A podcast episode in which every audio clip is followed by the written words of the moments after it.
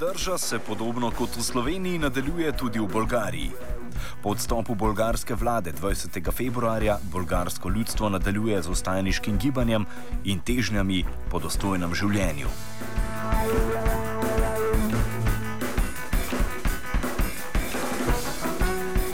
Več deset tisoč protestnikov je včeraj zasedlo ulice številnih mest, da bi protestirali proti korupciji in revščini ter zahtevali, da predstavniki državljanov prevzamejo funkcije od politične elite.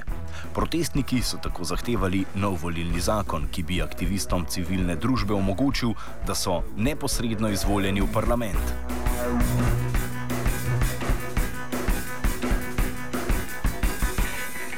Bolgariji bodo 12. maja potekale predčasne parlamentarne volitve, saj se politične stranke niso mogle dogovoriti o oblikovanju nove vlade. Protestniki meni, menijo, da z volitvami prihaja le nova farsa.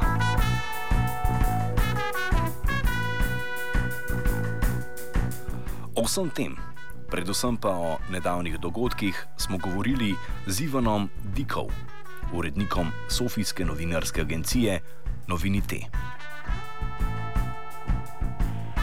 Uh, after the first protest, the, the government resigned uh, quite quickly. This was kind of a surprise for us. Was it also for you? It was uh, pretty surprising. Yes, it's safe to say that. But you should know that it wasn't after. It it was after, probably after at least two weeks of protests, and uh, some of them the, the, the, greater surprise was actually the intensity of the protests. Uh, so it turned out that apparently the people had been so disgruntled that they took to the streets in large numbers, and then violence broke out. Uh, you know, there were some clashes with the police. Um, I, for one, and I think most of the other commentators in Bulgaria would say that uh, we didn't expect the government to, to resign so quickly. Uh, we, we expected them to point to some scapegoats and to try to hold on.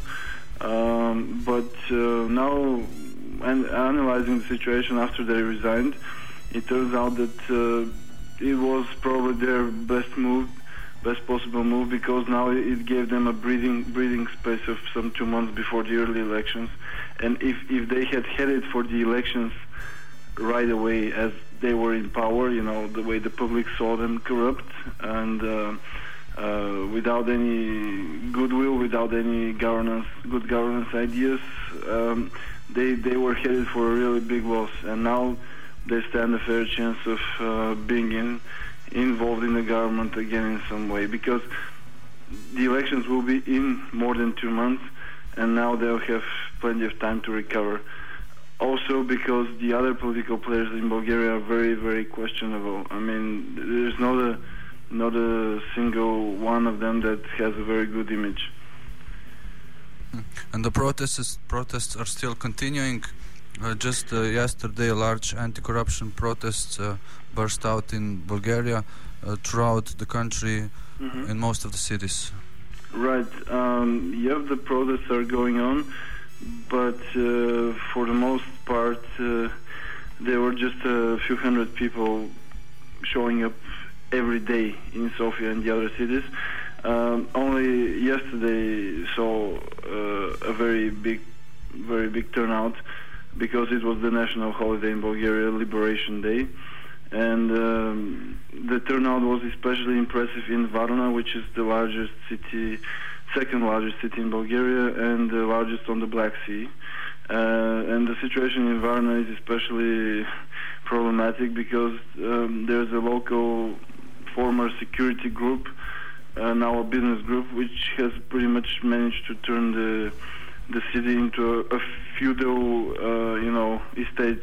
It's uh, called TIM, T-I-M, uh, this business group, and and they they control everything there and you know, in a city of, I don't know, maybe five, six hundred thousand people, you saw seventy thousand people showing up to to protest this situation. So it, it is a really big deal.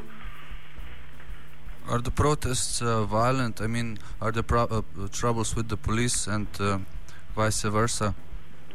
Mm, technically, well, n- no, not really. I mean, there were some clashes uh, right before the government um, resigned, but it remains unclear really who started them.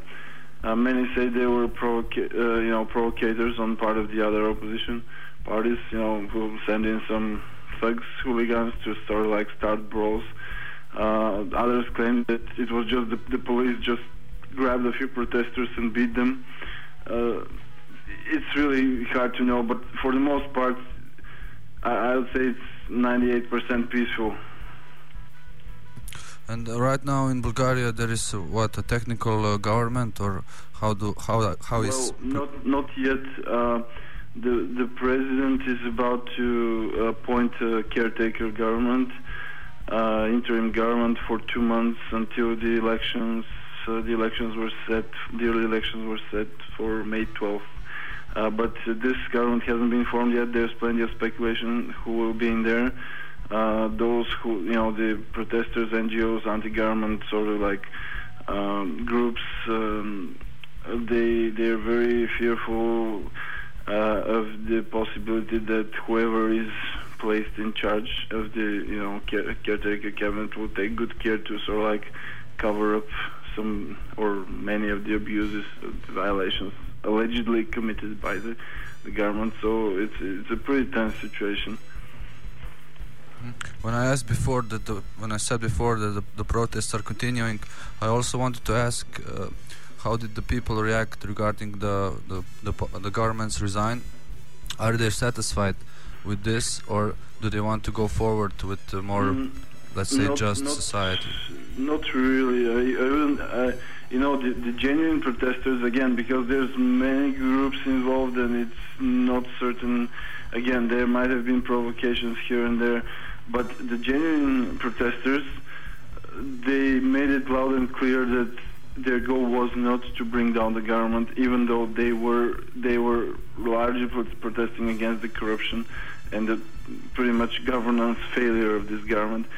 Uh, they wanted, um, you know, basically it's it's not like they see some other good force as a political actor that they can bring to power. That's not the case. That that is a problem. There's, I mean, they, there's very little trust in, in any of the political parties. Uh, so they made it clear that they didn't really want to bring down the government. They wanted their demands to be met, um, and they weren't really because now, yes, there was a you know the most basic thing. There there is a now a seven percent uh, reduction of the electricity prices, but that's really really far from tackling the underlying causes of all the issues, including the issues with the power utilities and then corruption, organized crime, the oligarchy, the public procurement procedures. So, yeah, I wouldn't say that anybody is satisfied with bringing with the- government resigning. It's a quite a complicated thing, similar as in Mhm. our country. Uh, along with this, maybe people will be um, similarly emotionally upset regarding the death of uh, Plamen Goranov, who died Mhm. yesterday, the Bulgarian, so-called Bulgarian Jan Palach.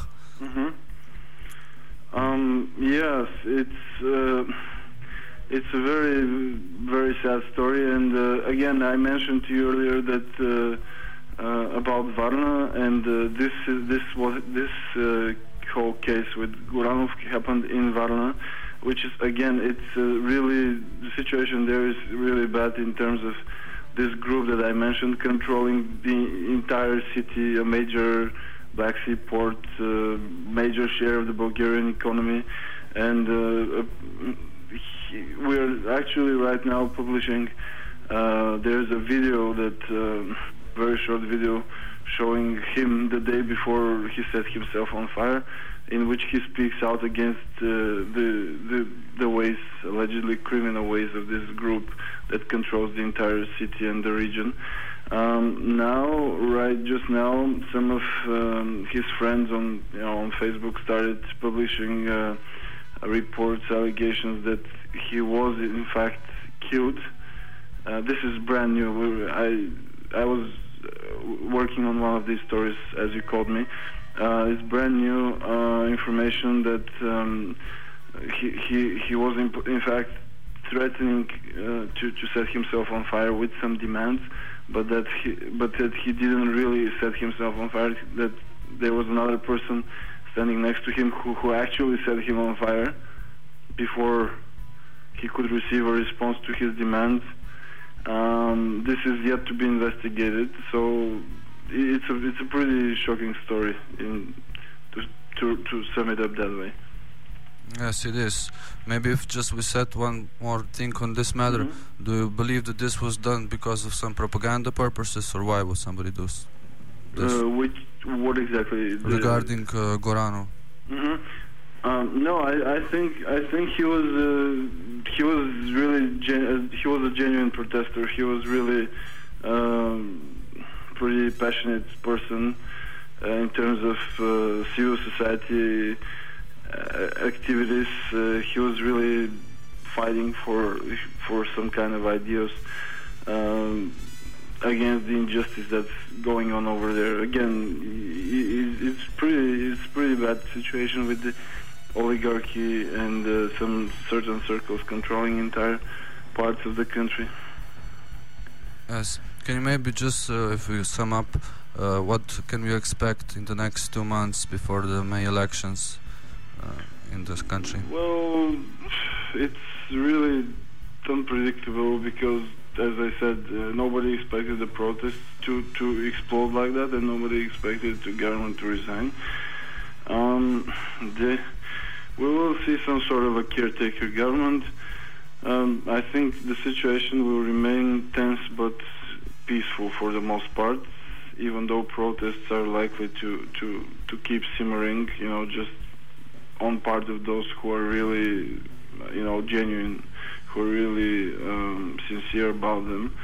Um, the big the big question is what will happen at the elections because again, the there's very little trust in any of the uh, political parties at the moment, and we've had that before. Um, the difference, the major difference, is that this time there doesn't seem to be some kind of a you know, party that can be portrayed as a savior. Because in the, you know, past 15 years, every time there was some brand new political force that, that people thought they were the good guys, they, they will take care of things. But this time, none of that is appearing. Um, just to to sort of like to to point out, um, this now is the first government since 97 to to that is unable to complete its term. So we, we, we at least had some kind of stability politically. You know, every gov- after the big crisis in '97, we had uh, three cabinets that served their full terms, and now this government is like six months short of serving its full term.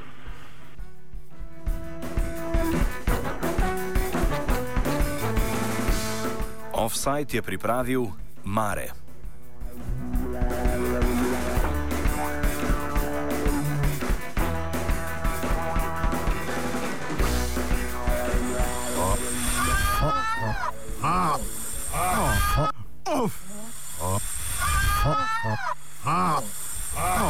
Offside.